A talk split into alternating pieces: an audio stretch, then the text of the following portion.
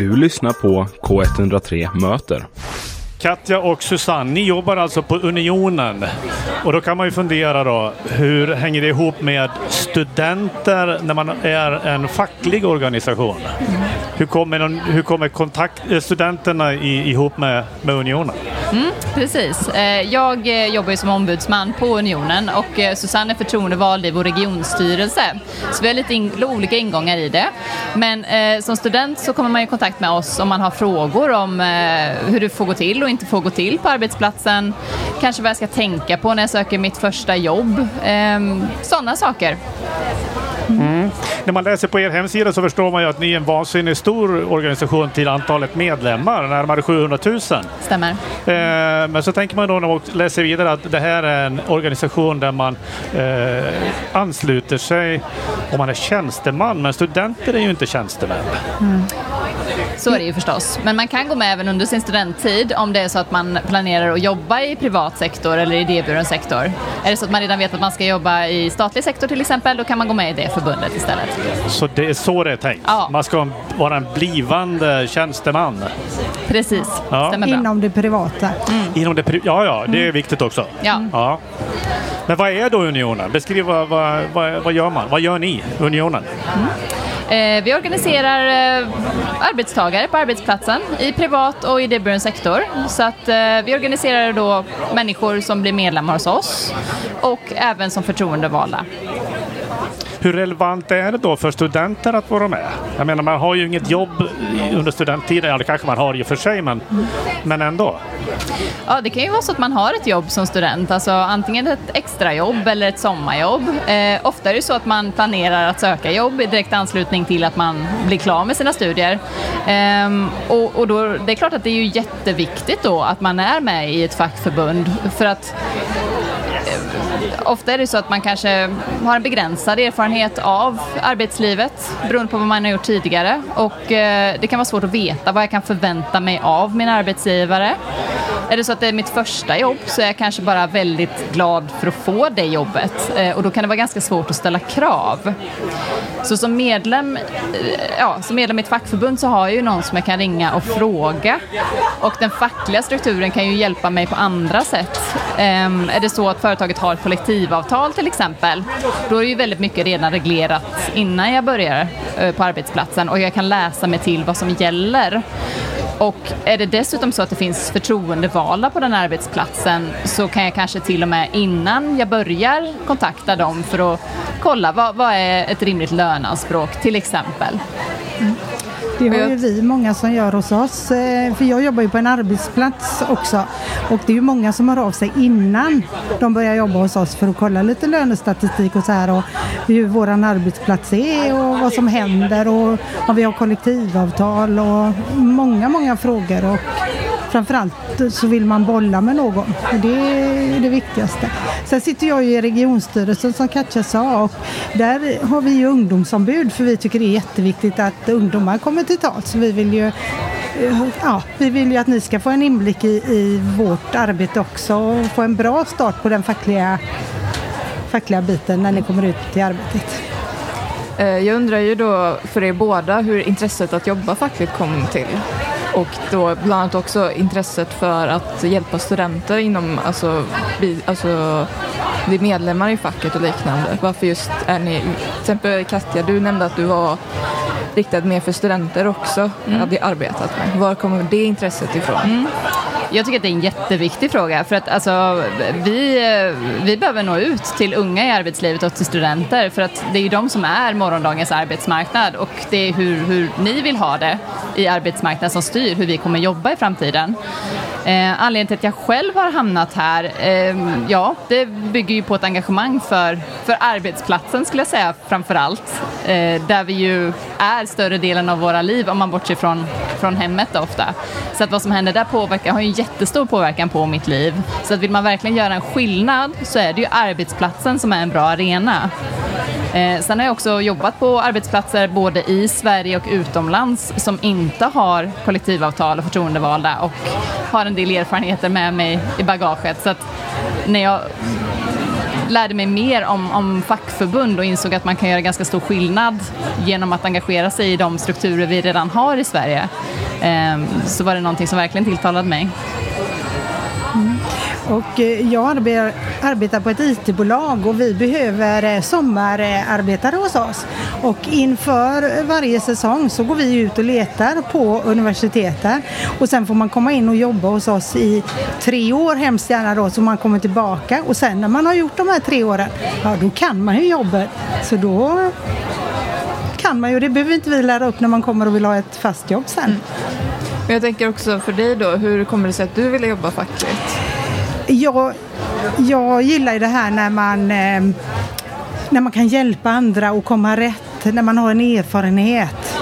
Det tycker jag är viktigt. Och, eh, jag, tycker, jag har den erfarenheten och jag vill dela med mig av den. Och jag har eh, unga eh, ungdomar hemma som eh, ska ut i arbetslivet och så här. Så att jag, jag tycker det är jätteviktigt att kunna hjälpa till. Jag lägger hela min själ på det här. Mm.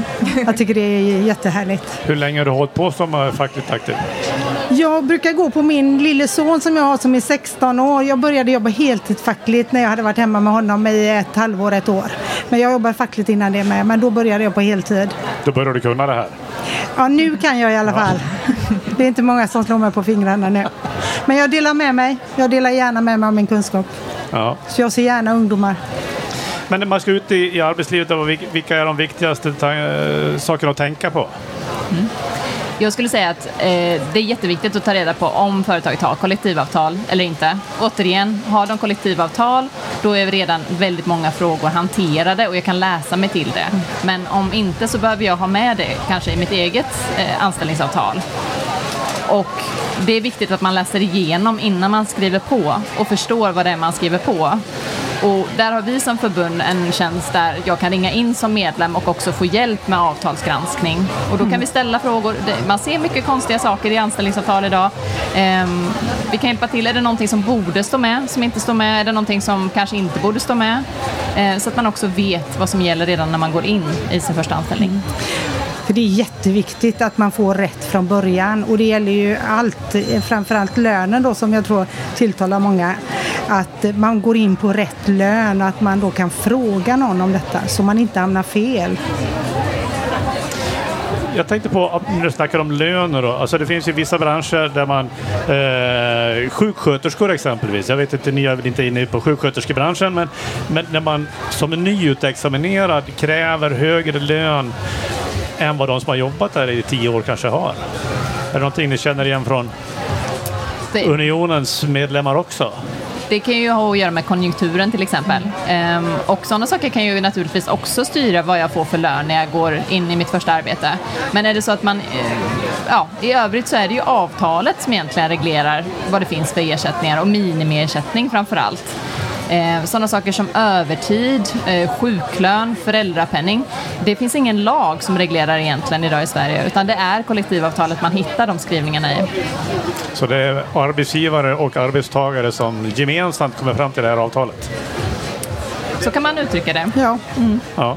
Men, men om man, du sa att man, man kan eh, hitta delar i, i avtalet där och så komma fram till någonting annat. Hur, hur vanligt är det att man så att säga, få en egen, ett eget avtal, ett personligt avtal?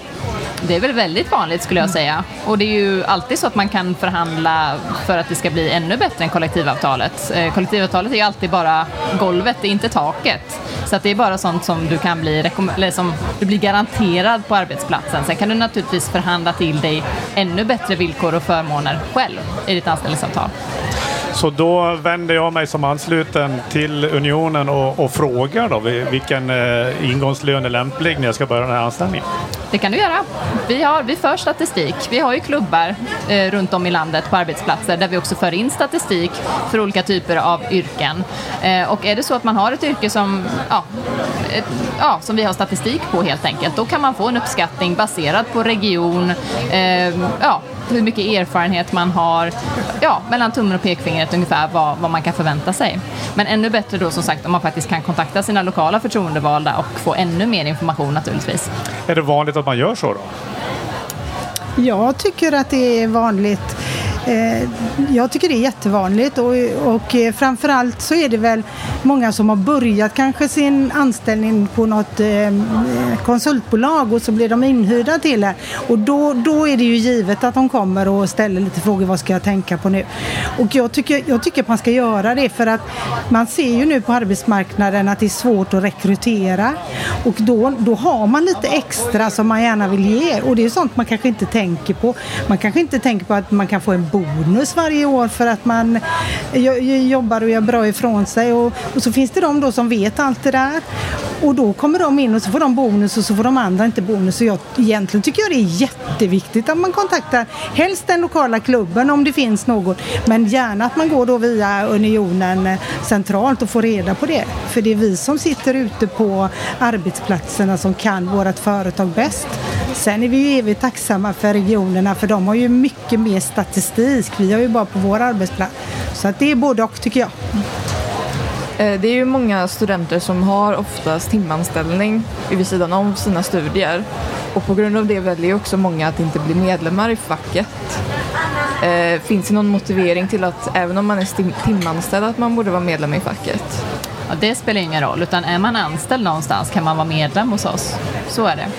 Men jag tänker någonting som motiverar en, för många använder ju en motivation att det är, inte värt pengarna att lägga ner på att vara medlem i facket. Just det. Och det är klart, och där är det ju skillnad också på vilket medlemskap man har. Eh, studentmedlemskapet är helt avgiftsfritt, alltså det kostar ingenting. Eh, men, men det är återigen detsamma, jag skulle säga att det är samma saker egentligen, även som, som vanlig anställd så att säga. Att det är, kunskap är makt och eh, jag behöver veta vad jag kan förvänta mig, vilka krav jag kan ställa och vad som är okej och vad som inte är okej. Och då måste jag kunna ringa någon. Det är också så att är man inte medlem så har man väldigt svårt att värna sitt anställningsskydd på det sättet som man kan när man är medlem. För att som medlem i ett fackförbund så har jag också möjligheten att bli företrädd och tvista med min arbetsgivare och potentiellt driva en tvist. Och det är jätteviktigt för att värna om vårt anställningsskydd. Mm. Om, man, om man tittar på vad, vad, vad, är det för argument ni, ni liksom eh, kör ut när ni träffar studenter? Varför ska man bli medlem i, i Unionen? Mm. Det finns ju konkurrenter, eh, om man nu får kalla det för det, andra organisationer också som, som har hand om, om tjänstemän.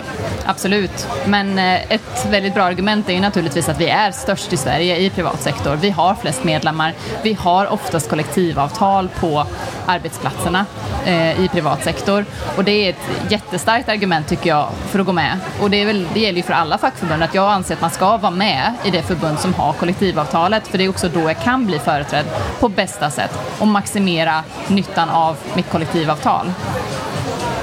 Hur når ni ut då? Genom K103 studentradio ja. till exempel. Självklart. Men träffar, träffar ni studenterna i, i deras hemmamiljö? Det gör vi, det kan man väl säga. Väldigt mycket är ju förstås digitalt idag, så väldigt mycket information går ut i sociala medier, på hemsidan. Eh, kampanjer av olika slag är jätteviktiga såklart för att vi ska nå liksom, den breda allmänheten, för vi vill ju att alla ska vara med. Eh, sen har vi en del samarbeten runt om i landet också med högskolor och utbildningar. Men som student, hur kan man då bli medlem i Unionen? Ja, det enklaste är ju att man går in på hemsidan helt enkelt och bara klickar på den knappen, fyller i sina kontaktuppgifter och skickar in.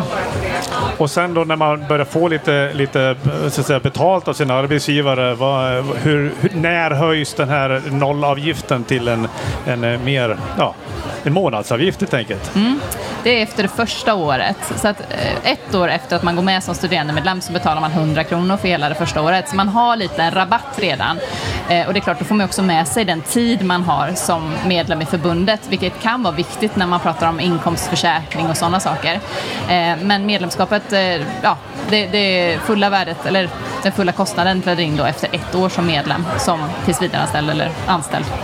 Hur, eh, alltså, vad är det som anses enligt era krav som student? Alltså behöver man läsa en kurs, deltid, heltid och liknande? Man behöver vara student vid ett universitet eller en högskola. Eh, behövs det vara alltså, heltid eller eh, behövde man 75 procent? Nej, det behöver man inte vara. Men det är så att om man som primär sysselsättning och vara anställd, då ska man ju vara medlem som en anställd såklart och inte som student. Yes. Spännande hörni. Uh, uh, jag tänkte så här, var, var, var träffar man er ifall man nu blir nyfiken under det här programmets gång?